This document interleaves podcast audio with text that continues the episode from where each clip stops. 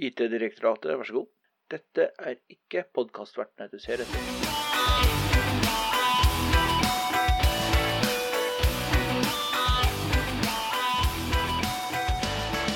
Velkommen til IT-direktoratet episode 15. Når eh, Paul, Øyvind og Andreas skal prøve å lage en eh, spirituell oppfølger til uh, Parallellport Party-episoden. Ja. Snakke litt om gammel IT, kanskje litt ny IT, kanskje litt hjemmekontor. Ja. Ja. Se, se hvor vinden bærer oss, egentlig. Og Øyvind. Øyvind har jo da endt opp som gjesten som ikke ville dra. Ja. Jeg har egentlig sittet pålaga siden siste episode. Som en god konsulent. Så det var alt på. ja.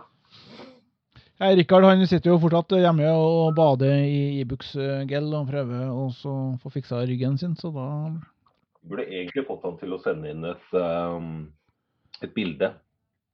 Hvor han sitter i Ibux-gel. Ja, kanskje, kanskje det. Altså, eller i hvert fall et bilde av seg selv, eh, sånn at folk ser at han faktisk lever. At ikke vi på en måte har uh, stabla han ut i et uthus et eller annet sted. Liksom. Ja. Holde opp dagens avis og Litt sånn dårlig VHS-opptak. Ja. De behandler meg veldig fint. Mens han febrilsk blinker morse med høyre øye. Save me! Ja, Men eh, god bedring, Rikard. Ja, absolutt. God bedring. Da, som dere sikkert hører på lyden, så mangler vi fortsatt den der eh, toalettklangen, så vi har, eh, vi har fortsatt hjemmekontor, alle mann. Ja. Det måtte eh, det måtte en pandemi til for å forbedre lydkvaliteten. Hvordan eh, har folk det på hjemmekontor da, Andreas? Hvordan går det? Nei, det går greit nok, vil jeg si. Ja. Eh, Det er eh, Altså, jeg er jo såpass heldig at jeg fortsatt har masse å gjøre. Og kan sånn sett ikke klage. Og nå er jo skole og barnehage i gang igjen. Det gjør jo også sitt til at på en måte hverdagen går litt lettere rundt, da. Ja, ikke sant. Men uh, det, skal, det er ikke til å stikke under stol at det har jo vært uh, relativt uh, utfordrende uker. Ja, Jeg begynner å bli dritlei, for å være helt ærlig. Mm. Og det ser jo litt fra. Jeg, jeg ser jo på meg sjøl som en ganske introvert person som trives best når det ikke er noen folk rundt meg, men nå kjenner jeg at nå skulle jeg gjerne ha sett noen andre enn min kjære fru og min datter. Ikke, ingen, ingen ondt sagt om dem, men det er greit å se om det finnes noe annet her i verden òg. Og så, begynner jeg å bli lei av det hjemmekontoret mitt, som er en sånn kombinert eh, garderobe, skittentøyskott eh, og kontor. Ja. Og oppbevaring for all legoen min. Så ja. All legoen din. All legoen min, ja. Ja, ja. Og dattera di får ikke Lego. Jo da, hun har Lego, hun òg, for så vidt. Du får låne. Du får låne. det. Det ligger et annet sted, da. Det ligger et annet sted. Ja. Men det er jo liksom så limer Lego Nei, nei, nei. nei, nei, nei, nei, ikke lime Lego. Lego er til for å brukes og lekes med. Ja. Nei, det er sånn, jeg, jeg har vært litt sånn øh, delt på akkurat det der, for jeg har jo også mindre barn enn det du har. Ja. Og øh, det er så stor sorg hver gang et sånt uh, Lego-opplegg går i bakken, og Ninjago-bilen til Lloyd eller et eller annet uh, ryker. Uh, og da har jeg brukt fem timer på å bygge den der jævla bilen. Så går det i bakken, og så er det hyl og skrik, og så må jeg bygge den på nytt igjen, og så går det ti minutter, og så er det i bakken igjen. Da, da frister Jøns... Eller hva heter det der lima? Den Ja, nettopp. Ja. Ja. Da, frister, da frister den tuben veldig, altså. Ja, jeg, jeg skal innrømme, jeg har limt Lego en gang, og det var når jeg hengte en eh, Det var vel en X-Wing som jeg hengte i taket. Det er vel den eneste Nå, nå, nå fikk du et lite brudd på lyden hos meg. Akkurat idet du fortalte hva du hadde hengt på veggen. Så det hørtes ut som du sa eksen min. Nei, det var en X-Wing. X-Wing, ja. Ja. Nettopp. ja. Et, et, et fly. Jeg har, jeg har ikke bygd min X i Lego. Nei, Det, det, var, det var mye å pakke ut i den setninga. Nei, ellers så syns jeg det er greit. Jeg har eh, jeg husker ikke om jeg nevnte det sist, men jeg har investert i trampoline til ungene for å unngå at de river huset. Jeg Ja, det kjøpte, er- det nevnte jeg sist, jeg kjøpte PlayStation og PlayStation VR for å berge husfreden. Ja, Åssen var dette her med økonomien som går i dass og sånt, og de innkjøp av konsoller? Nei, og det går jo ikke, så, som jeg nevnte sist, så det landet jeg befinner meg i når jeg kjøper konsoll, der går jo kursen til helvete på den lokale Ja, valutaen, så ja. Notere meg at vi må sende varsel til uh, Norges Bank og, og, og sånn på børsen om at det må sendes ut varsel hver gang Paul skal kjøpe seg Ja, konsoll. Men, men nå går det jo siden ca. ti år hver, hver gang jeg kjøper meg konsoll, så det er jo ikke Du, du sier fra til oss ikke sant, først, Skal gjøre det. før du gjør det. Så vi kan selge det vi har av uh, eventuelle fond og sånt nå. Ja, Hvordan går det med hjemmekontor ute i skogen, Eivind? Nei, det går eh, kjempebra. Jeg skjønner ikke problemet når jeg hører dere klager over eh, at det går på veggen og, og er slitsomt og vanskelig og sånn. Jeg, jeg, jeg stortrives, jeg. Eh, Så jeg savner folk. Nei, det er ikke jeg. Jeg har det helt perfekt. Jeg Var, eh, jeg var, eh, jeg var utafor skauen her for eh, første gang på lenge. Utafor skauen, faktisk. Eh, Jeg er utafor huset, da. Eh, Men eh, vi hadde Jeg sitter i styret i et sånt lokalt idrettslag, så vi hadde styremøte og møttes utafor, eller ute, da, i fri. Og da man, Jeg kjente at akkurat det var litt ålreit å møte Da hadde jeg vel ikke møtt andre mennesker på seks uker eller noe sånt. Så det var litt OK. Men Men bare litt. Men siden du bor der ute, hvordan er det du får tak i altså, Jeg regner med at kolonial.no kjører ikke ut til deg? jo da. Og det gjør det, ja. Så det er det, du bare du bestiller mat, de kommer og setter på, på dørstokken din. Ja, vi, eh, det er ikke, vi gjør ikke det hele tida, altså. Eh, Kona er i butikken. Ok. Jeg er ikke i butikken. Jeg bare så for meg en sånn greie hvor kolonialmannen kommer og setter fra seg matkassen utafor døra di, og du kommer rundt hjørnet med hagla, liksom. Ordentlig sånn redneck-style. Ja, Get off my lawn! Ja. Nei da. Vi har eh, Det er faktisk masse eh, sånne skogsarbeidere som jobber uh, utafor her nå. Masse av skauen som driver og hogges. Så det er faktisk ganske folksomt her inne. Ja, jeg satt, eh, satt og jobbet her en morgen, og så plutselig så, så jeg to par føtter som gikk forbi rett utafor vinduet mitt. Jeg sitter i kjelleren og jobber. Så, og en sykkel. I alle dager. Gikk jeg til kikka, da. Der var det en, eh, en mann eh, som så veldig forfjamsa ut. Fordi han trodde han var et, eh, et helt annet sted enn der han var.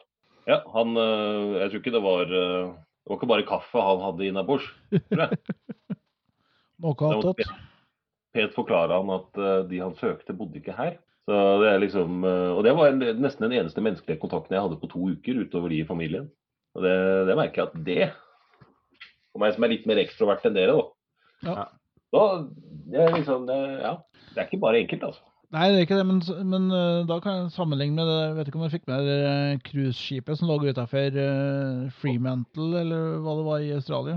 En ting er at de satt i karantene på cruiseskipet, men de var jo i karantene i lugaren sin. Oh, ja. Tenk deg å sitte i karantene i lugaren på f.eks. danskebåten i 14 dager. Altså, Med under dieseldekket eller et eller annet sånt. noe. Ja, og jeg skulle til å si, vi skulle ikke ha veranda der, altså de må jo slippe ut en time eller to i løpet av dagen. Tror du Ja, ikke? jeg håper jo det, men jeg forsto jo som at de, der fikk de servert mat på døra. Og de var confined to cabin. Så det, altså de, nå var det jo cruiseskip, så håper jeg at de har litt størrelse på lugaren sin. Men uh, da tenker jeg at da er det ikke så ille å sitte på det her uh, kaoset av et hjemmekontor uansett. Altså. Jeg Jeg er så heldig at jeg har, uh, har et eget kontor jeg, da, med mulighet for å både lukke døra og låse døra. Ja, ja. Så Ja, det er samme her for så vidt, så jeg klager egentlig ikke sånn sett. Jeg har ganske god plass her, men Ja, eh, jeg, jeg, har, jeg har ikke dør på hjemmekontoret mitt. Det er sånn at om morgenen når folk driver og står opp, så har jeg et sånn forheng hengende for døra. Så, sånn at uh, familien skal kunne gå fra soverommet og til badet uten at det er for åpen scene.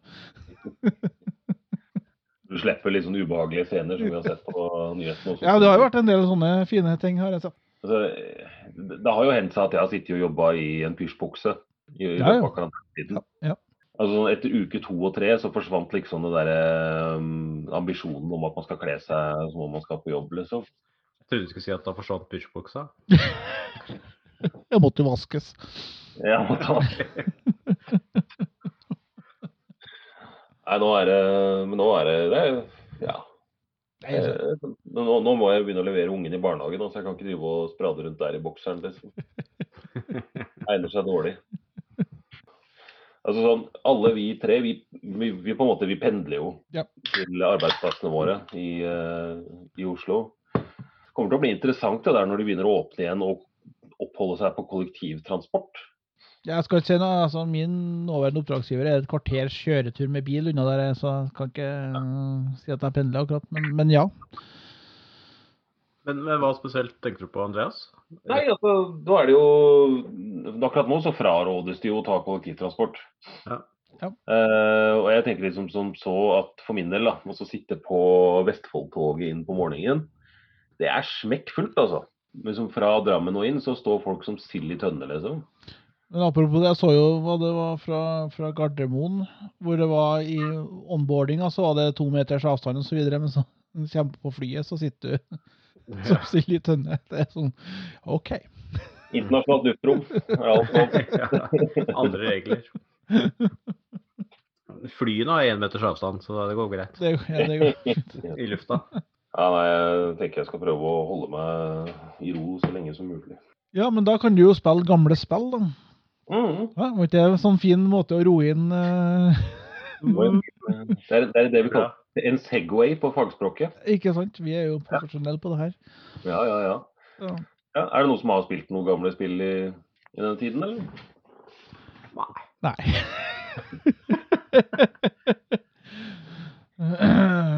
nei, altså Nei, jeg har helt ærlig så har jeg jo egentlig ikke Jo, jeg satt og Jeg har spilt en gammel spillserie. Jeg satt og spilte Wolfenstein her. Oh. På, uh, som jeg nevnte i den der Parallelport Party-episoden på det internettarchive.org. De har jo masse gamle DOS-spill liggende ute. Så der eh, fant jeg jo da Wolfenstein, som har spilt litt. Og så fant jeg jo CM eh, 93-94. Å, Det er, da er du langt tilbake, altså. Da er jeg langt tilbake. Det er så, så langt tilbake at jeg satt og lurte på hvorfor i all verden gadd jeg spille det her, for det var jo helt håpløst brukergrensesnitt på. Ja, det, det, det som er rart med eh, CM-spillene, jeg, jeg skal snakke litt om det etterpå. Mm. Det som er rart med disse CM-spillene, er at når du kommer litt opp i generasjonene på det, da, så Ja. holder det seg veldig bra, altså. ja. ja. Syns jeg. Ja. Men eh, ja. Og du, Evy, du har spilt noen gamle spillserier sjøl, så du? Ja, nei, altså ikke, ikke gamle spill, men, eh, men det er jo klassikeren over alle klassikerne, Civilization. Da. Det kommer vi alltid tilbake til. Ja, ja, ja. ja den ser jeg. Og så, jeg må innrømme at uh, der veit jeg at Paul og jeg har en uh, liten beef. i forhold til akkurat.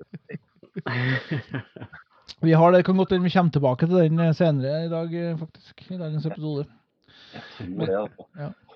Men jeg òg har jo spilt uh, Siv eh, versjon 6 senest i dag, så den eh, jeg, jeg tør ikke å tenke på hvor mange team jeg har brukt på det spillet, altså hele den serien eh, til sammen. Det, det- det, det- det er skremmende mye. altså. Men hvis du, hvis du har det gjennom Steam, så står du jo der, da.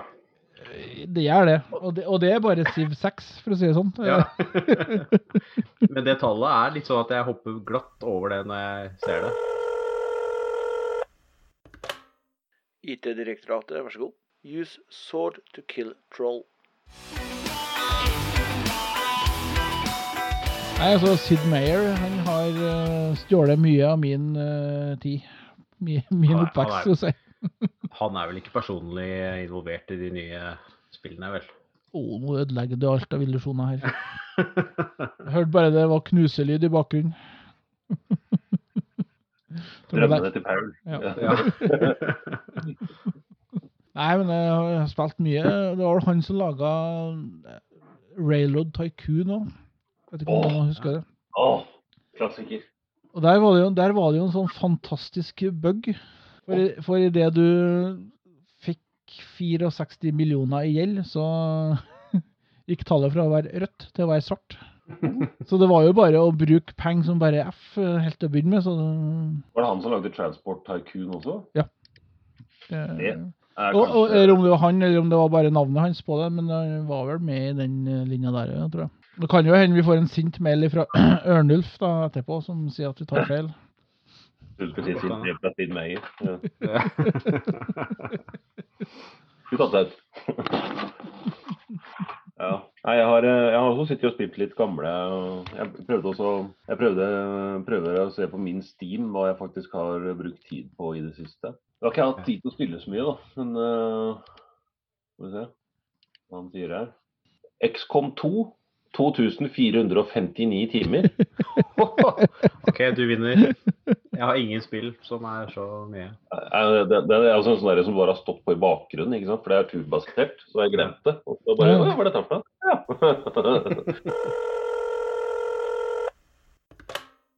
IT-direktoratet, vær så god. Har de forsøkt å slå maskinen deres av og på igjen? Øyvind, hvis jeg kan spørre, det første spillet du liksom husker?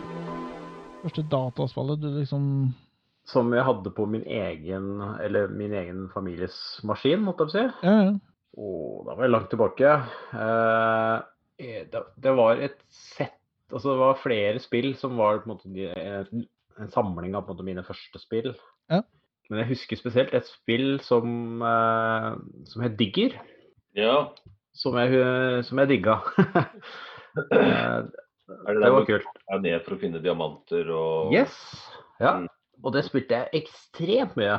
Utrolig ja, sånn avhengighetsdannende. Men er det en sånn Boulder Dash-klone? Yes, det er det absolutt. At det Så var det litt av mitt satt og tenkte på det var liksom jeg husker på en av de første spillene som jeg på en måte ordentlig husker, det er noe som heter Superplex, som òg er en sånn Boulder Dash-klonesak. Ja. Men, eh, og, men jeg husker jo også eh, så langt tilbake at vi satt og spilte sånn text adventure-spill. Yes. Og det også var jo ganske fascinerende. Altså, da satt du med penn og papir eh, og skrev 'Go north'. Ja. You cannot go north. Ok, så tegna du en, en strek på kartet, for det ikke kan gå north. go south. Og så bare Å, det gikk det an. Og så måtte du tegne liksom, ja, ja, lite- en strek. da, ikke sant? Så tegna du da et kart mens du skrev hvor du skulle gå. Ja. eh, og på en måte eh, dukka opp noen personer, og så skulle du prøve å løse noen greier. Og, nei, det var fascinerende greier. Helt uten grafikk, bare tekst. Hørtes fanatisk slitsomt ut. Nei, men altså, vi, Det var enten det eller sånn skikkelig pil råtten CGA-grafikk, liksom. Så det var ikke sånn stor konkurranse eller stort tap da, å ikke ha grafikken.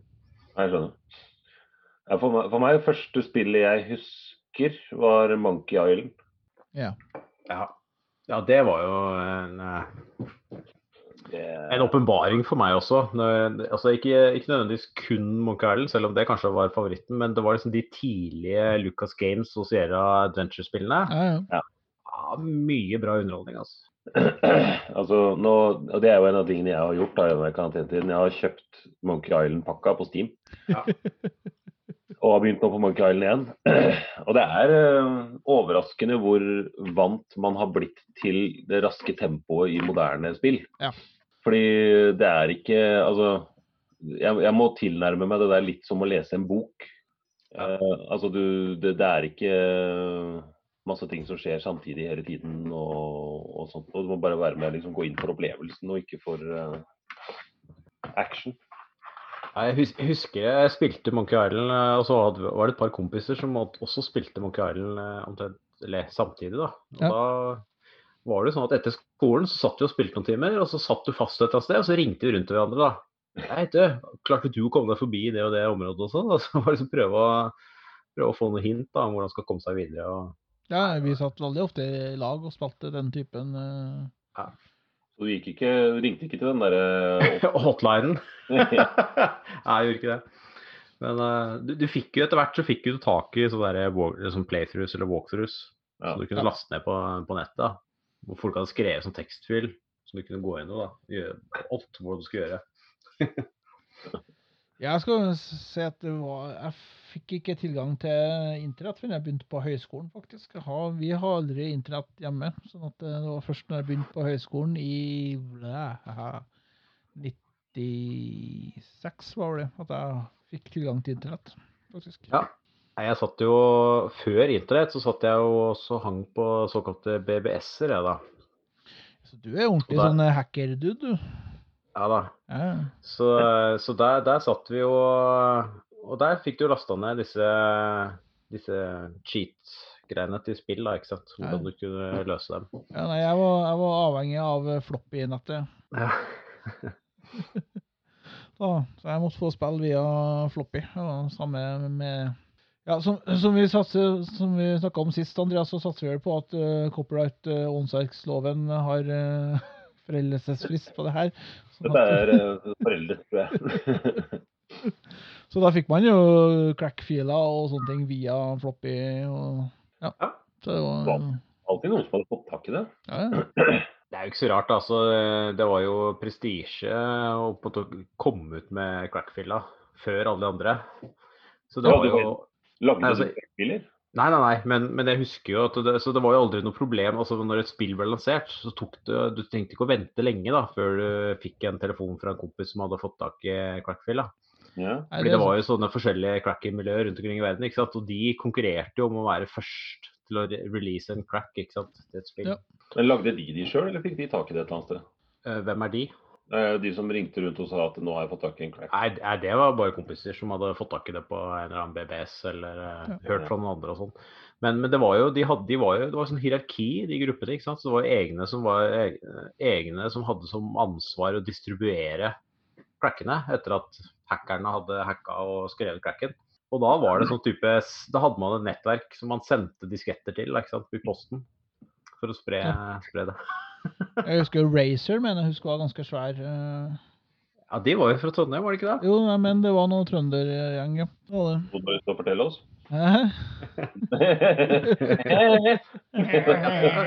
hørt at jeg har vært fra Trondheim. ja. Ja, nei, men jo, det, når du ser det, så lurer jeg på om det var Trondheim eller Stjørdal eller et eller annet sånt.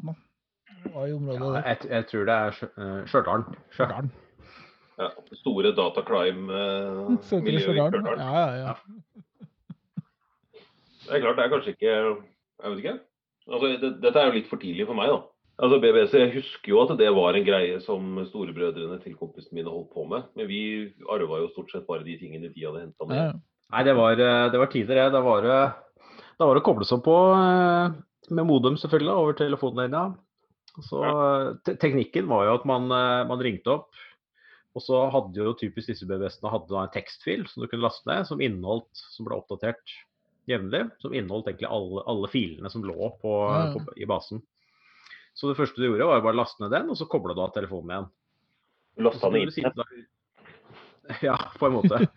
Og da, og da, og da satt, du, satt du da i fred og ro og, og diskuterte, eller fant ut hva du ønska å laste ned. Og så logga du på igjen, og så lasta du ned de filene du skulle ha, og så av igjen. Og det var jo rett og slett for å spare litt penger. ja. ja. Det er spennende. Altså, jeg har jo en sånn erindring av uh, altså noen tidlig copyright-beskyttelser òg, da. Uh, det var uh, Hva het det der spillet hvor du var sånn vogntog som drev og reiste innover i USA? 18-wheeler eller noe. Nei, nei, nei, ikke sånn vogntog. Sånn derre gammelt Å ja, sånn, med, sånn vogntog med hester. Ja, så døde noen av dysenteri plutselig. You, you have Ja. died this interview. Eller, Ja. Villager party. Ja, mm. Åssen spill var det, da? Det var, det var også noe sånn Du måtte ta et valg. Eh, det kom opp sånn at det var sånn dårlige bilder, og så var det tekst, og så var det tre valg, og så måtte du ta et valg. Og mm. avhengig av hva du valgte, så kunne det hende at hele koloniseringen gikk til helvete fordi alle fikk eh, difteri i eller ble drept av urinnvånere eller et eller annet. Ja. Men i hvert fall, der, der hadde de en sånn kopibeskyttelse hvor du ble stilt et spørsmål, og så måtte du ha boka ja, det var ganske vanlig. Ja, ja, så spurte de sånn derre Ja, i 1884, øh, hvilken president var det som øh, bla, bla, bla. Dette står på side 24 i boka. Og så bare måtte du prøve en av de eh, De presidentene fra den tida. ja. Ja, ja, eller bare Vi var jo ikke så smarte. Men du kunne du ikke bare sjekke Alta Vista? Det var øh, altså, Vi hadde ikke Altavista jeg Store, store opp- norske leksikon, da. Jeg vokste, jeg vokste ikke opp med slik velstand. Men, eh, Nei, ja, men, eh, men så, det ble jo gambling da. Til slutt så klarte du å treffe riktig på et eller annet, og så kom du inn, og så fikk du spille en kveld, og så, Og så var det en ny runde. ja. så krasja PC-en, og så var du tilbake til, til null. Men jeg, jeg husker også et annet uh, spill som het Gunboat. Noen som husker det?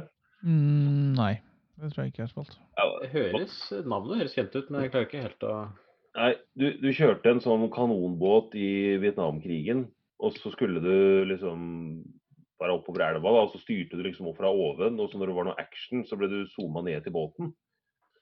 Og ehm, eh, da måtte du velge hvilken posisjon du skulle ha på båten, om du skulle være kanon, maskingevær eller hva det skulle være for noe. Og vi hadde jo selvfølgelig ingen evner på kanonen, så vi, eller på maskingeværet, så vi tok kanonen. For da holdt de å skyte sånn cirka i nærheten. Ja. Og så bare ble alt eh, karamellisert. Men eh, jeg husker det bare det så utrolig godt, fordi alt så likt ut som var på land, om det var trær, mennesker eller hester. Som det tydeligvis er veldig mye av langs med elvene i Vietnam. Vi hadde, vi hadde konkurranse om hvem som eh, Så jeg, jeg har en erindring om at du på slutten av spillet fikk vite hva du hadde skutt. Og det var konkurranse om hvem som hadde skutt uh, færrest hester. IT-direktoratet, vær så god. Denne siden finnes ikke.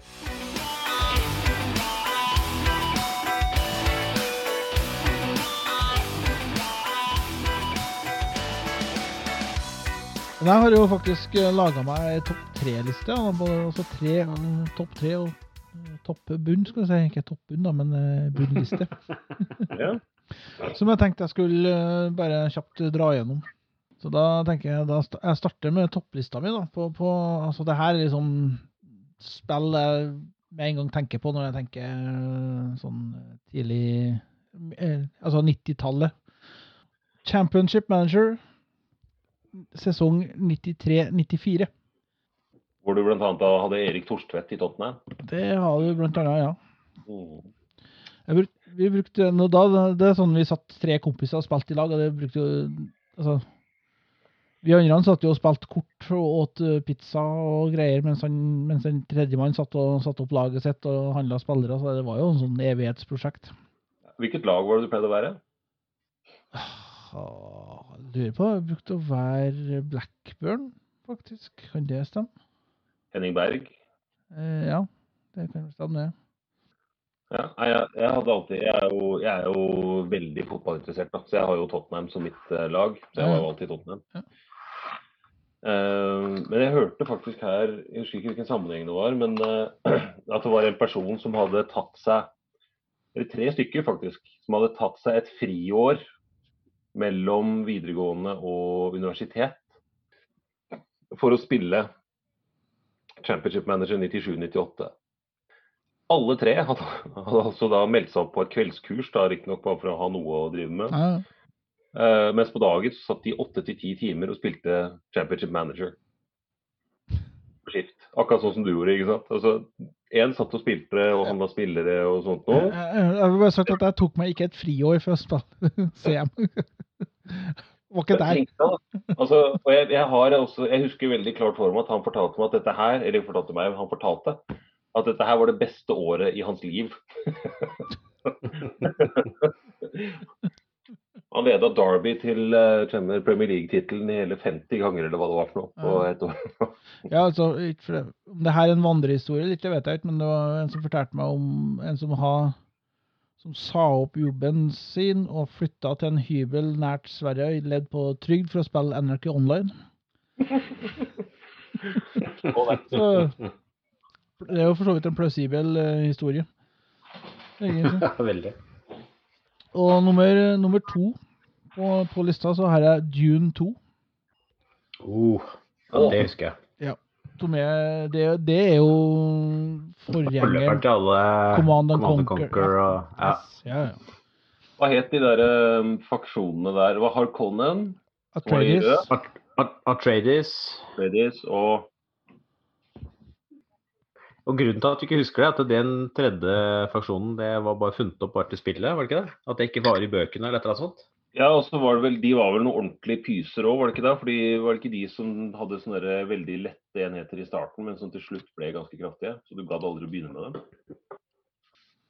Jeg husker ikke. Nå, er det, nå sjekker jeg alt av lista. Ja, bra. Ordos. Ordos var det, stemmer. Atreides, Harponen og Ordos. Ja, for det var dem, du har, har nok rett i at de var dem som kom hardt til slutten. Det var et fantastisk spill, altså. The Jeg, jeg prøvde jo å spille igjen for noen år siden, og det var ikke like fantastisk da. altså. Nei, bare det at du ikke kan liksom dra musa over flere enheter, og Ja. så samle dem, og så Ja. sende dem av gårde. Så det er nok i kategorien spill som du egentlig ikke bør prøve å spille igjen. Og så, ikke overraskende nok, da, så på, på nummer én så har jeg Civilization. eh, Første utgaven. Ja. Ja, det Nei, var, Sterk liste, det. Ja, Før. Så har jeg jo noen som er liksom sånn honorable mentions, da. Som er, det er jo selvfølgelig Sam Max for en fantastisk humor. Oh, ja. Vet du hva. Ja, og så XCOM og Need for Speed. Need for Speed var det første ordentlige bilspillet jeg tror jeg har på, på en PC. Jeg spilte du ikke Outrun? Jeg gjorde ikke det. Så det var min, eh, min toppliste, da. Jeg vet ikke om vi skal ta deres topplister, før vi fortsetter på det som er Ja. på den andre enden av skalaen. Jeg kan begynne med nummer tre. eh, som for meg er eh, Championship Manager 97-98. Du er så Som- ung, du, vet du. Som sammen med 2000-2001 er den ultimate versjonen. Dette Jeg velger å kaste inn den brannfakkelen allerede nå. Men hva, hva, skjedde med 2000, hva, hva skjedde i 2002? eh? Altså, det som var, var at 97-98-versjonen var da de begynte liksom å altså De hadde foredlet brukergrensesnittet ganske godt. da, så Ja. Nå var det veldig sånn spillbart for, øh, for de aller fleste. Ja. Og så var det 2001, øh, eller 2001-2002-sesongen, mener jeg var da de Ja, dette skal jeg ikke si. For. Når, når var det de begynte å Du kunne se på banen at spillerne beveget seg? For til å begynne med så var det jo bare du så banen, og så var det litt kommentarer. Men så etter hvert så fikk du jo de prikkene som gikk fram og tilbake. Fordi, altså, det som er da med 97-98, er at jeg kan Jeg husker alle bakgrunnsbildene fra den, øh, den utgaven. Liksom, jeg, de bare, liksom, alle bare ser et av de bildene, så bare Ja, de, de gir meg glede. Men øh, jeg, jeg tror det var etter Det var på 2000-tallet en gang, i starten der som de begynte å ha sånne prikker som løp på banen. Og da, etter det så begynte det å bli for komplisert for folk flest. da. Ja, det var litt da jeg òg datt av, for da begynte det å bli veldig avansert. Måten du trener lagene på og styrer. Ja, da kjente jeg at Altså, eh, det, det finnes jo ingen som er spesielt interesserte i treningsmodulen f.eks., med mindre du er skikkelig fotballnerd. Og dem fins. Ja, ja. Jeg hørte et intervju med han som har laga Football Manager, eller Championship Manager. Ja.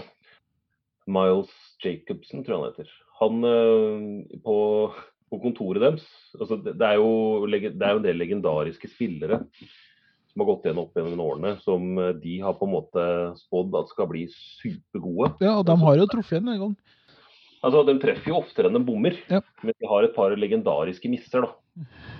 Og En av de største missene de har, er en som heter Tonton Sola Mokuku. Ha- Han var en svensk eh, midtbanespiller som spilte Klassisk svensk navn. Ja, ja, ja. Han eh, var sønn av innvandrerforeldre, men eh, allikevel han eh, Han kunne kjøpe tidlig i spillet da, og utvikla seg til et beist eh, etter hvert. Men eh, på ordentlig så endte han opp med ingenting, egentlig. Veldig hyggelig fyr og gjort sin, sine saker bra på andre områder, men ikke innen fotball. Men de har altså da et eget møterom på kontoret, i kontoret deres som heter The Tonton Sola Mokukuru. det syns jeg er litt gøy, da. Det er litt gøy. På andreplass hos meg, kontroversielt i dette fora, så har jeg Colonization. Ja, og Der må jeg jo legge, meg, legge ned vetoretten, som jeg sannsynligvis ikke har. Det Nei, altså Med tanke på at det er min liste, så har, har du et, eh, et, et skrikende mangel på vetorett. Ja. ja, Mm. Men det jeg syns var så bra med Altså, jeg spilte også Civilization og syns det også var veldig bra.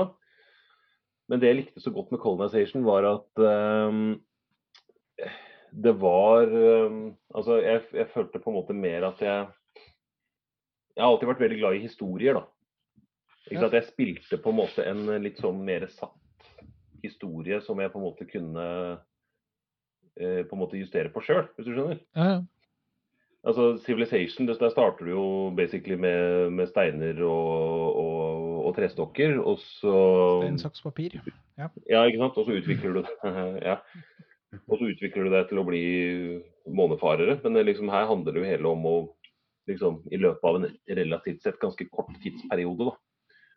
Um, på en måte utvikle din fraksjon, faksjon, og så ta over kontinentet. Ja. Syns jeg var spennende å møte indianerne, og, eller uff, indianere, uh, urinnvånerne. Uh, Native på, Americans. ja, seasoned scouts og alt dette der her. Jeg har fortsatt litt sånn Jeg våkner om natten. Nei, det gjør jeg ikke. Det var, det var noe. Men jeg, jeg har fortsatt sånn gys innimellom. Jeg tenker på et av de save-gamene jeg hadde når jeg spilte på ganske høy vanskelighetsgrad, hvor jeg hadde tatt nesten hele Jeg hadde tatt hele altså USA og Sør-Amerika og Mellom-Amerika og sånt noe, men det er Canada, der var fortsatt engelskmennene sterke. Skulle jeg sette inn et storangrep, og så ble hele greia korrupt. Og hele pila mi bare forsvant. Korrupt save game. Siden det så har ikke jeg spilt Colonization, men det er fortsatt, står fortsatt mitt hjerte Men du våkner fortsatt av uh, svette og Skrikende skrik. Ja. Skrikende. En dam av svette. Eh, og så på førsteplass, ikke overraskende, Monkey Island. Men- det var liksom det spillet som åpna mine øyne da, for gaming, eller Ja. spill. Ja. Og fortsatt holder det ganske høyt da i kurs, selv om jeg syns det er vanskeligere på en måte å, å spille det nå enn det det var før. Rett og slett fordi det Jo, men det er for at du har blitt vant til moderne grensesnitt, så det blir litt sånn frustrerende, rett og slett. På, Mm. ja. Mm. Men, ap men apropos bare sånn spørsmål, du sa at eh, det med å våkne om natta og drømme om spill og sånt, og, eh, det, det er ikke bare jeg som gjør det av og til. ikke sant? Når jeg har spilt masse i et spill, så plutselig så finner du at du, du driver og drømmer om, uh, om det Ja, som skjer i spillet. Jo, Ja. det var du. Ja, det er bare meg. Ja, det, det er jeg har, jeg har spilt en del um, Jeg har jo drømt om Command and Conquer, eksempel. Det er jo ja, ikke sant? Jeg har, spilt en del uh, Mountain Blade i det siste. Bannerlord. Ja. Har du prøvd det? Nei, ok. Det er helt fantastisk. Helt sinnssykt. Veldig, veldig bra. Ja. Right up my alley. Men eh, jeg drømte i hvert fall at uh, Ja, jeg var en av Jeg, jeg var der, da. You went there, man! Ja. Ja. Reier inn i strid med fullstendig mismatched eh, sett med rustning og Altfor liten hest. Ja. For liten hest. Jeg syns da skjer det for Krypa i vask. Ja. Det ser, ser litt sånn ut. Det er noen sånne størrelsesgreier som er litt gærent der, tror jeg. Nei, Det anbefales på det aller høyeste, altså. Det nyeste Bandlord. Hvis du ikke har prøvd det. Nei, ok Det. Nei. Så har jeg altså en honorable mentions. Jeg har to stykker. Ja. Transport Tycoon. Yes. Second Helt- that. Nydelig spill. Ja. Altså fortsatt så går det an å spille det spillet og kose seg. Og så le av disse påfunne engelske småbynavnene. veldig hissige, de der lokale eh, kommunestyrene. Det skulle ikke Ja. så mye til for at du havna i unåde der, altså. Nei. Og så han derre dusten som driver og kjører kokosnøtter fra en til en annen, liksom, som er din eh, som blir kjempekonkurrent plutselig. Ja. og byene bare eksploderer rundt han. Ja. Og så på femteplass har jeg eh, Det er egentlig to spill, da. Det er Fifa 94 og NHL 94. Ja. Uh, og det er altså Grunnen til det er fordi at dette her er et av de Det er et av de første liksom konsoll-fotballspillene da, som virkelig liksom Ja, ja. Man ble engasjert i og spilte med kompiser, og håndkontroller fløy, og det var generelt mye god og dårlig stemning. Eh, Men også fordi at hvis du her gikk inn i en skikkelig grisetakling, så kunne du løpe fra dommeren. Run, Forest, run! Du kunne holde det gående helt til han tok deg igjen.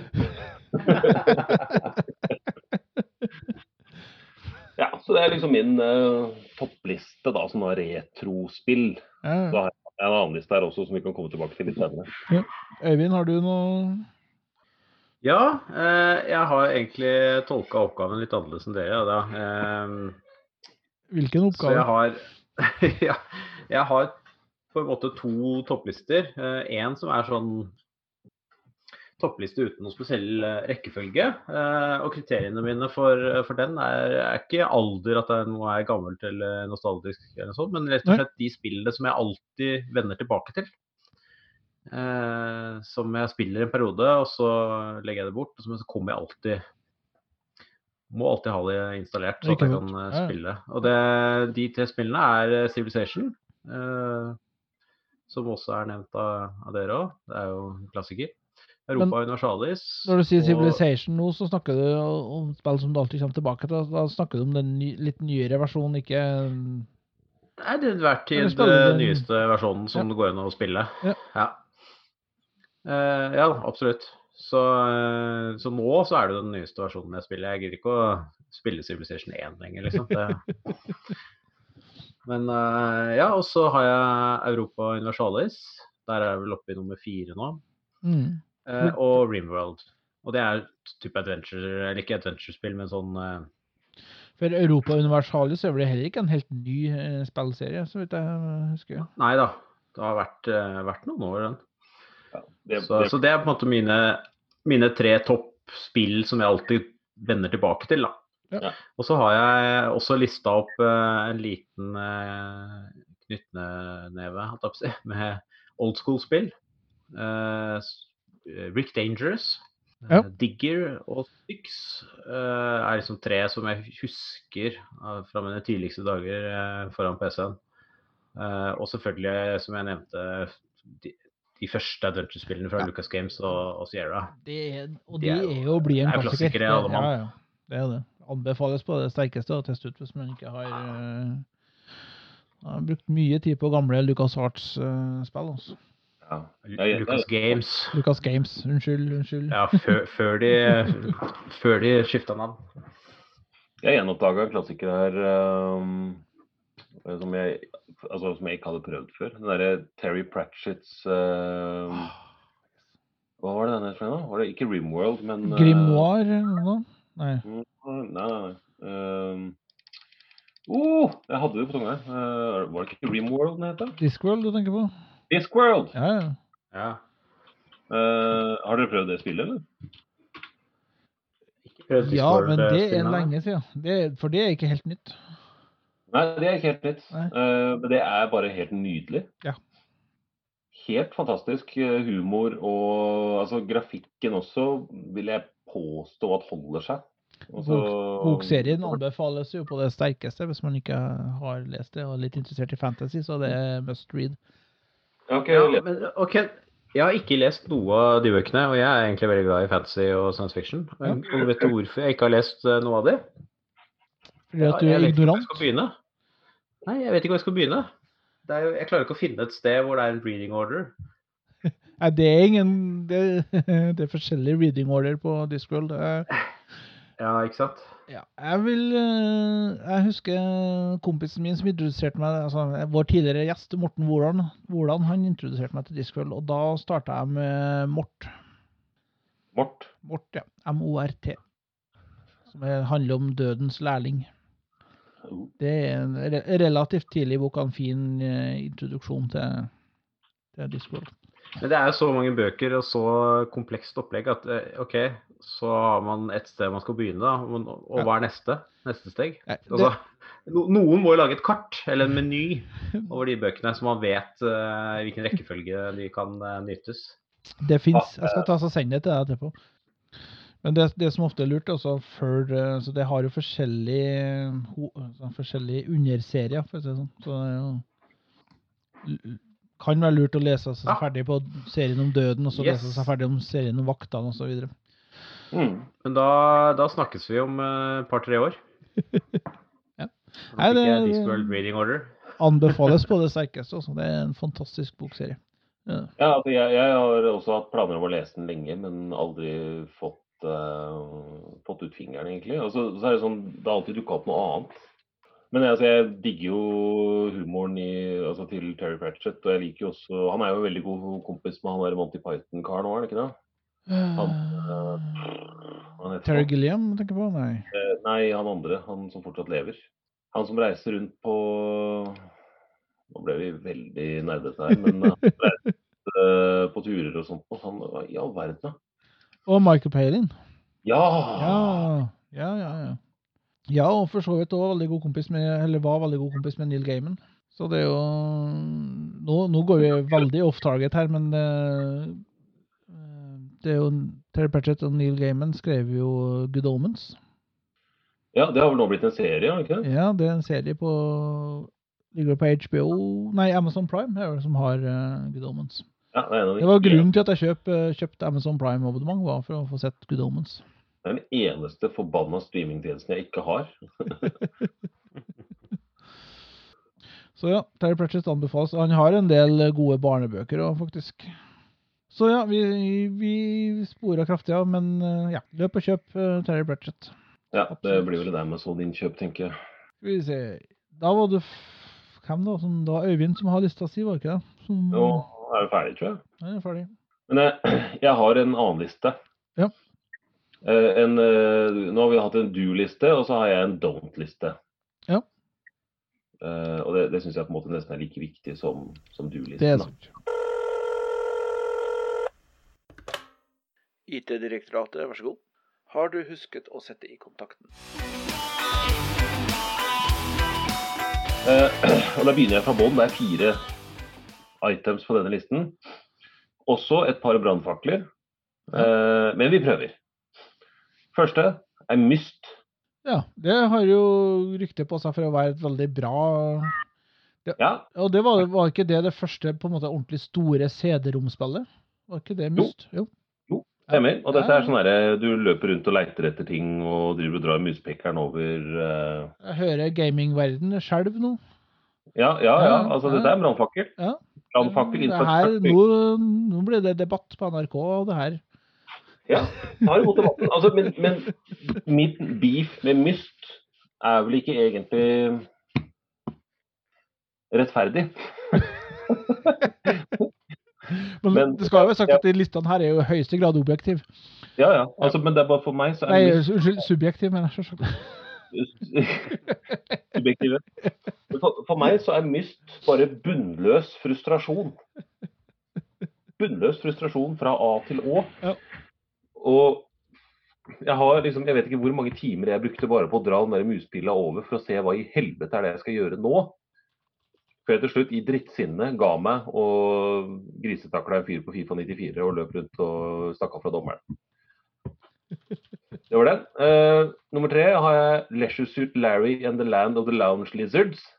Det har ikke jeg spilt. Det er et Men, eh, men er det topplista du leser nå, eller? Nei, bunnlista. Det er don't, don'ts. Yes.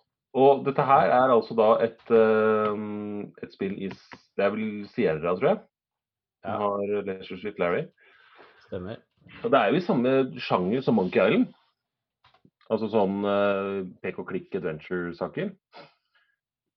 Problem, problemet med Leisure Suit Larry-spillene uh, var det at uh, Igjen, dette er ikke rettferdig i det hele tatt, men jeg var for ung for dem når de kom ut.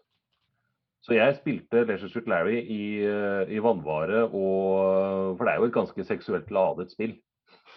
Må være lov å si. Det, ja. Hele, hele poenget med Leisure Suit Larry er jo den scenen oppå taket i, i bassenget når, de, når, når du ser eh, en, en trepiksel-pupp. Ja, nettopp. Og for meg, da, som var Boys, boys, i to boys. eh, et noe sånt nå, altså litt før man egentlig på en måte skjønner disse tingene, så, var- så var dette bare veldig sånn Altså, har jeg spilt hele dette spillet pga. dette? Eh, det eneste jeg husker fra det spillet, er Ken Sent Me. Ja. Var det som Kom fikk inn. dørvakta Bakrommet. på klubben. ja. Uh, Og så har du nummer to, er et, uh, en klassiker som ikke så mange husker, kanskje, som heter The Manager.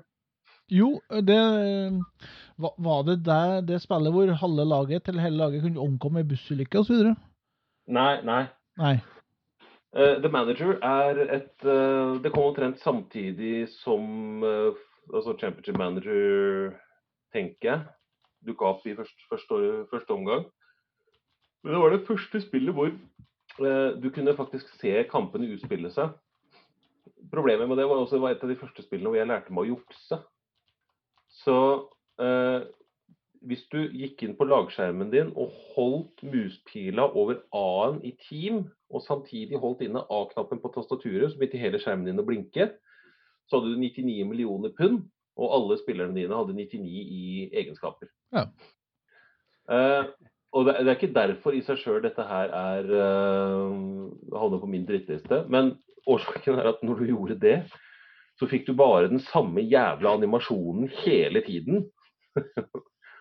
og hele spillet mista sjarmen sin. Så igjen urettferdig, men det havner på min shitlist. Eh, Førsteplassen på min shitlist, eh, som jeg husker fra min barndom da, som et av de spillene som eh, jeg syns var Ja, det, det er Loom. Du husker det? Loom. Den var jo genial. Ja, men igjen, da. Jeg var for ung for det. For jeg var bare, jeg var bare frustrert. Hele tiden. Jeg kom ikke forbi den første sekvensen på, i ørkenen eller hvor faen de er hen. Eh, og forsto Men det, er en, første og eneste spillet, så vidt jeg vet, i hvert fall, hvor, eh, hvor hele, hele poenget og hele magien for å kunne gjøre ting, er for å lære seg forskjellige melodier. For det var det som var hele greia der, at du måtte pugge og notere ned da, forskjellige noter som du måtte spille for å kunne ja, komme deg videre. Og jeg tror at altså denne listen, da. eh, den kan like gjerne hete 'Spill jeg hadde elsket hvis jeg var fem år eldre'. Fordi altså jeg, jeg vet jo det at eh, alle disse er eh, altså regnes som klassikere. Men for meg så er dette her ja, skittest. Fordi de kom på feil tidspunkt for min del. Og jeg klarer ikke å komme på spill jeg spilte på denne tiden som rett og slett var crap. For de har liksom lagt seg bare bak eh, i min mentale søppelkasse. Ikke sant? Jeg har faktisk ingen eh, bunnliste nettopp av den grunn. Mm. Fordi eh, jeg pleier ikke å spille dårlig spill. Og det, jeg pleier ikke å huske dårlig spill heller. Altså, jeg spiller, det, er ikke, det er ikke jeg spiller dårlig spill, men altså, med en gang jeg merker at det er dårlig spill, så slutter jeg å spille. Og jeg tenker ikke mer på dem heller. Men jeg klarer ikke å sitte og liksom, komme på en, en bunnliste. Dette, dette er vel kanskje feil å kalle dette for en bunnliste. Det er vel egentlig mer en frustrasjonsliste. Ja. Ja. Altså for eksempel The Manager var uforløst potensial, der, mens de andre var rett og slett bare for unge til å sette pris på. Jeg har jo en, har, jeg har en bunnliste, men det er vel kanskje litt samme, samme som deg, Andreas, at det er mer en sånn frustrasjonsliste enn nødvendigvis at det var et elendig spill. da. Ja. Um, så på, på tredjeplass der så har jeg jo Quake. Det tror jeg jeg nevnte i forrige Mimre-episode nå. Eh, Og det, det er rett og slett at eh, det er sikkert et veldig bra spill, men jeg ble fysisk dårlig av å spille det. Jeg ble kvalm og svimmel. Ja, jeg også hadde en kompis av meg. Han, eh, jeg, jeg var veldig glad i Wolfenstein. Ja. i sin. Men han kunne ikke spille det, for han ble sjøsjuk. Ja. Jeg, jeg, ble, jeg, sagt, jeg ble fysisk dårlig. Det som var veldig irriterende, var jo at uh, det der var poppis mens jeg gikk på høyskolen, så der var det jo egne Quake-klaner og greier. De satt jo da på laben på høyskolen og spilte, uh, mens jeg satt der og sulla med mitt eget. Spilte Siv sikkert, eller noe sånt nå i stedet. For at det rett og slett ble dårlig. Så jeg, jeg kunne ikke spille det. Husker dere Duke Nukem? Å ja. Here to kick ass and chew bubble gum. Var det ikke Duke Nukem som har sånn uh, Det var veldig mye forventning til en, opp, til en ny versjon eller noe, som aldri kom. Jo, han har kommet. Ja, den kom til slutt. Ja da. Ja. Men det er en grunn til at du ikke husker den. Nei, ikke sant. Og så de eh, to toppene her har vel egentlig en fellesnevner. Du har Alfa Alpha Centauri, som var en uh, usannsynlig crap oppfølger av Civilization. For i, I Civ, når du eh, er ferdig der, i hvert fall i første versjon, så drar du videre med romskipet til Alpha Centauri. Så endelig så kom det jo da en oppfølger hvor settingen er Alpha Centauri. Og den er skitdårlig, med ekstremt crap spillbarhet. Så det var Jeg kan ikke si noe om hvor mange timer jeg har eh, brukt i Alfa Centauri. Ja, nei, det var, for min del så var det en nedtur også. Det, Men hvorfor var det så dårlig? nei, eh, ja, hvorfor var det det? Jeg vet, jeg vet ikke helt. Det var liksom Det var et skin de har lagt oppå på Siv, da. Altså, så det funka ikke helt, syns jeg. Spillbarheten var ikke der. Det var ikke det var, jeg tror det var, For min del så tror jeg det ble for komplisert. Det ble for mye teknologi og for mye sånn uh, alien Eller sånn te teknobubble, rett og slett. På, på Siv så har du jo forholdet til teknologi som du vet hva er, og sånt, men der så ble det bare sånn uh, svada. Ja, altså det, det er en ting som er med Civilization da, som jeg syns er hysterisk morsomt. Det er når du kan på en måte kjøre ut med en sånn eh, en tanks eller en armored personnel carrier eller noe sånt, eller et, et fly for den sakens del, og så bare pøser du ut legionærer. Eh, Du har ikke oppdatert uh, landetroppene dine i det hele tatt. Nei, også på, på topp, da, eller på absolutt bunn, så der er jo tilbake til brannfakkel eh, og våre strid. da, Der har jeg jo Colonization, Andreas. Andreas. Det er for min del, og det her er jo Og spille er sikkert veldig bra som spillbarhet og sånt også, men Og det tror jeg nok har forventningene jeg har rundt at det her, liksom, her var markedsført som oppfølgeren til Civilization. Og det her, det, For min del så var det tidenes nedtur. Også. Men hvorfor Altså, det? For, for idet du har liksom fullført Mishnit, så var blant annet spillet ferdig. Det var ikke noe mulighet til å fortsette. Mm. Sånn som det var på Civ. ikke sant? Der kunne du fortsette inn i evigheten. Mens på Colonization, så ja, nei, da var vi ferdige, da. Ja, jeg Så, likte jo ja. det, da. altså Bare den der greia med at du, du spilte som sagt en historie. Ja. Jeg tror det største problemet for min del var jo at det her var markedsført som uh, oppfølgeren til, til Siv. Og liksom endelig kommer det en nytt spill fra Sid Mayer, og så spiller jeg, og så tenker jeg at OK, this is it. Mm. Ja, eh, du, du ble skuffa, rett og slett. Så jeg var jo veldig fornøyd når jeg fikk de diskettene med Colonization på, da, men eh, ja. Går i terapi den dag i dag. Det jeg husker best fra det, var jo den derre på slutten hvor du fikk eh, en eller annen ting kalt opp etter deg. Hvis du gjorde det greit, så fikk du en, eh, ja. ja, en gate eller et eller annet sånt noe. Så fikk du en høyskole, barneskole. Så gikk det vel opp til ganske Fikk du en statue et eller annet sted eller ja. Jeg husker alle disse premiene fikk, da. Men det var jo faktisk trophies i det spillet. Ja, det. En av de tidligste si, variantene av trophies som jeg klarer å huske. Og så kan jeg jo si jeg har også det største hatspillet jeg har, som jeg faktisk ikke har spilt i det hele tatt sjøl, men grunnen til at jeg er dritlei av det spillet, var for at eh, de to han har delt kåk med i Trondheim, Mm. eh, spilte masse. Og det var Den lengste reisen. The Longest Journey. Det er norsk. Norsk, ja. Det var Funcom sitt, tror jeg. Det var det som gjorde at Funcom ble store? ikke? Jo. Det var det gjerne. Det var liksom gjennombruddet deres. Det- jeg- De spilte på, husker jeg, på TV-en i TV-stua, så det ble jo Eller TV-stua, det var kanskje litt sånn De spilte på den TV-en vi har på hybelen. Å, Paula Fancy og TV-stue på. TV-stue på studenthybelen. Den sto jo ja, Helsikes April sto jo og masa konstant. Nei, faen, altså. Men jeg, har, men jeg har aldri spilt det. Nei, jeg skulle til å si det. Har du spilt det? Nei. Jeg har ikke prøvd det sjøl. Jeg veit ingenting om det. jeg hater det. Jeg har ikke prøvd det. Det er litt sånn som makrell i tomat. Ja, vet du hva? Der er jeg helt enig med deg. Jeg hater makrell i tomat. Ja. Og jeg har ikke spist det siden jeg kanskje var seks år gammel. Nei, ikke sant? Men ikke snakk om jeg Så- spiser makrell i tomat. Så den lengste reisen er min, eh, min spillverdens makrell i tomat. Ja. og. Eh, Ja. Jeg prøvd i samme forhold til kaviar. På tube. ja, nei, det går greit. Jeg sitter nå og vurderer om jeg skal sende en uh, boks med makrell i tomat til Funcom. En åpnet boks med makrell i tomat. Som har vært i mikroen først. Ja. Jeg, uh, dette er jo forelda også nå, så det kan jeg fortelle. Uh, når- jeg gikk ut av uh, førsteåret mitt på videregående, så gjemte jeg og en uh, kompis av meg vi gjemte en brødskive med makrell i tomat i lufteanlegget siste dag før sommerferien. Oh. Dere dro liksom den klassiske melkespøken et hakk videre. Ja, det ble ganske fælt altså, når du skrudde på, når du skrudde på ventilasjonen igjen på sommeren. Så eh, eh, vi var ikke der de første to skoledagene, eh, og det tror jeg kanskje var lurt. Eh, men de, de brukte ganske lang tid på å rydde opp i det, så jeg har egentlig ganske dårlig samvittighet. Ja. Nå ser jeg at du kan faktisk kjøpe eh, Sid Meyers Colonization og Sid Meyers Pirates Arr. i en pakke. Ja, Pirates eh, Det er jo litt overraskende at ingen av oss har på lista, egentlig. Det er jo en sånn eh, Jeg lurer på Covert Action. Var det noen av dere som var borti det, eller? Nei.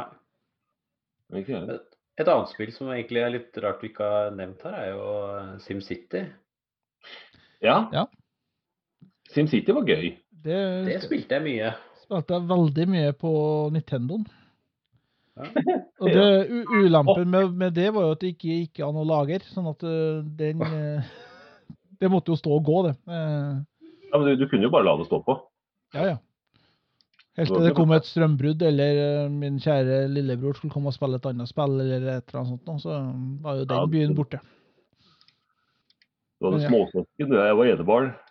bortskjemt. Husker- jeg en kompis vi spilte SimCity sammen og hadde enormt svært by, da, et kart liksom, eh, som, som vi hadde spilt på.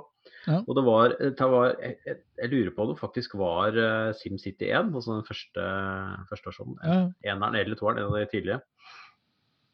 Og det som gikk an, at det gikk an å skrive ut byen din. Og det fant vi ut at dette er jo kjempesmart. Eh, Vi, har jo, vi var veldig stolte av svære, fine byen vår, så vi har lyst til å skrive den ut. på Eh, og det er at det- matriseskriver. den gangen så var det jo matriseskrivere som gjaldt, da. Og, og det var jo så stort, så det ble jo bare delt opp. Så det var spøyet ut av 100 ark på den matriseskriveren. Og så måtte du da splitte alle de arkene, og så måtte du teipe dem sammen i riktig rekkefølge for å få et sånt gigantisk kart skrevet ut på sånn crappy matriseskriver. Det var også litt sånn gråaktig. Det var jo katastrofe, hele prosjektet. Men vi hadde jo noe å gjøre en helg, da. Nå kan jeg nevne at nå har jeg kjøpt Colonization. Eh, Har du, har du sittet og kjøpt uh, Conversation mens jeg fortalte den lille historien? ja, ja. Men altså, jeg, jeg, jeg identifiserer meg veldig med historien om SimCity.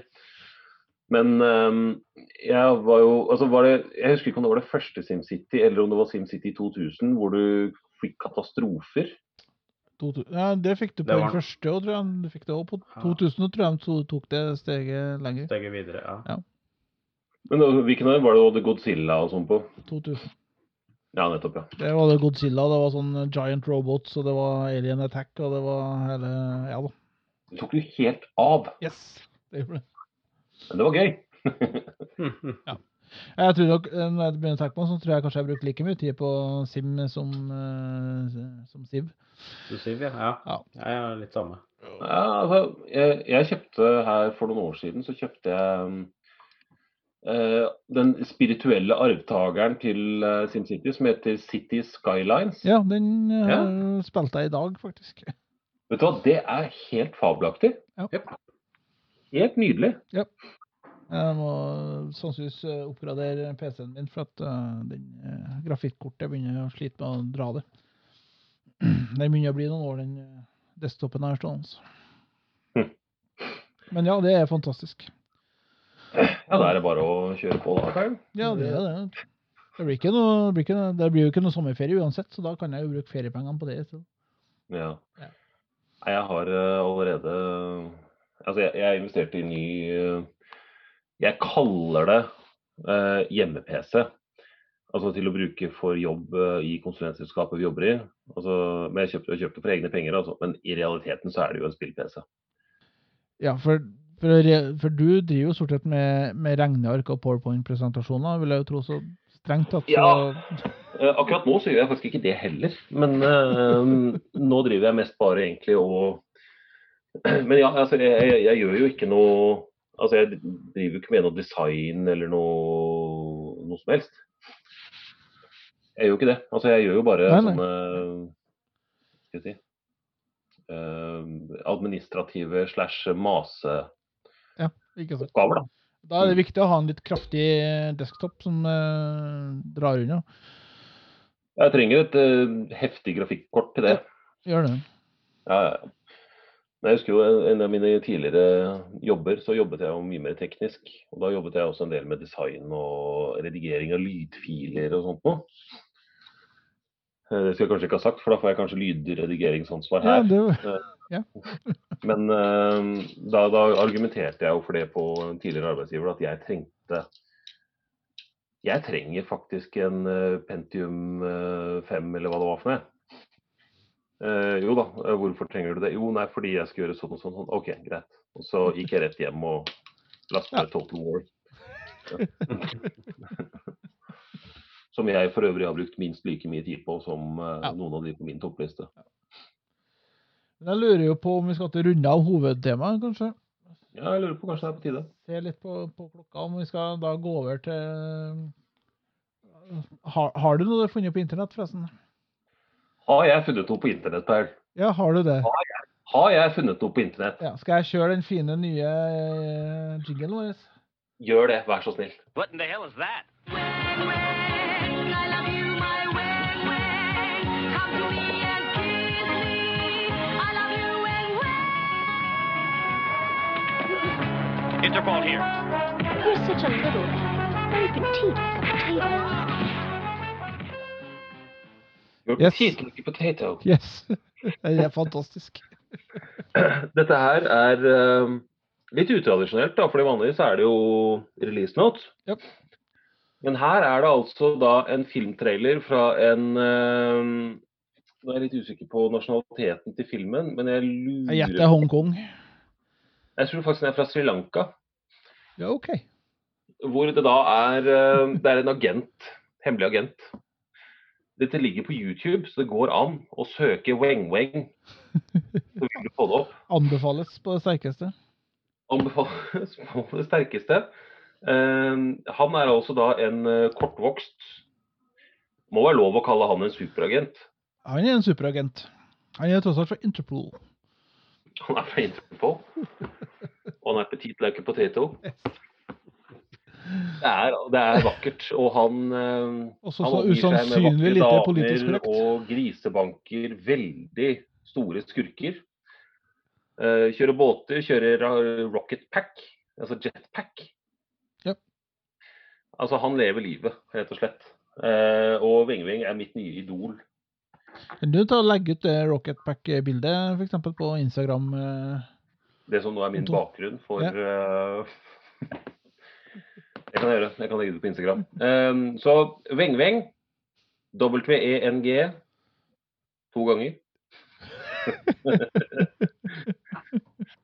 er absolutt verdt å få med seg. Og det ligger også en dokumentar ute som heter 'Finding Weng-Weng'. Uh, og han har laget, laget flere filmer her. Det er um, en som heter 'For Your Height Only'. I et ordspill på James Bond-filmen 'For Your Eyes Only'. Og eh, ja, det, det ligger flere der ute på YouTube. Så søk det opp og, og nyt. Det er viktig å nyte i disse tider. Kan ikke se bort ifra at vi har en liten IT-direktoratet spin-off eh, på gang her. Det kan tenkes. En liten. ja. Ja. ja. Ja. En liten spin-off. En liten spin-off. Så det var det jeg fant på internett da, Ja. denne runden. Det her må, det må ses, ikke bare høres. eh. Ja, altså, du, du må se det for å tro det. Jeg er klar over at dette er veldig dårlig i gåsehudene radio, men uh, Weng-Weng, google it, enjoy it. Takk skal du ha. Men da lurer jeg på om vi skal runde av eh, episode eh, 15. 15. Fortsatt sesong 1. Sesong 1, ja. Ja. Kommer vi noen gang til å få en sesong 2? Nei. Vi må fortsette med Jeg tror vi, sesong vi klamrer oss til sesong 1. Ja, jeg syns jo det. Vi Ja. må holde, oss, holde på ungdommen. Ja. Ja, vi kan si ha det. Eh, si ha det. Kanskje Øyvind skal si ha det i dag? Ha det. Tror du må ta det? ja. Ja, ja. Skal, skal vi gjøre det så enkelt? Ha det. Ingen fanfare. Takk for oss. Jeg har, jeg har ingen uh... Nei, OK, jeg kan si det, da. Uh, ha det. Ha det. Ha! Det